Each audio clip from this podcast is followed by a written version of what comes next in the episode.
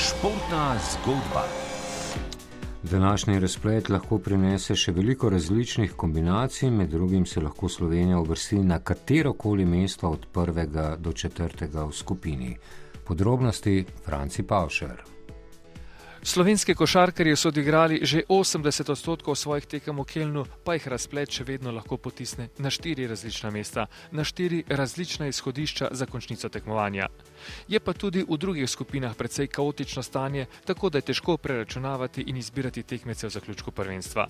Glede na to, da sta med 24 reprezentancami brez poraza le še Grčija in Srbija, je ob novič premešanih kartah Evropske košarki težko oceniti, koga bi si izbral osmini finala. Iz skupine A v Tbilisiju sta papirnata favorita v skupini tudi že edina uvrščena v končnico Španija in Turčija. Ostali sodijo med niže kategornike evropske eliti - Belgija, Črnagora, Bolgarija, Gruzija. Nikaj računati.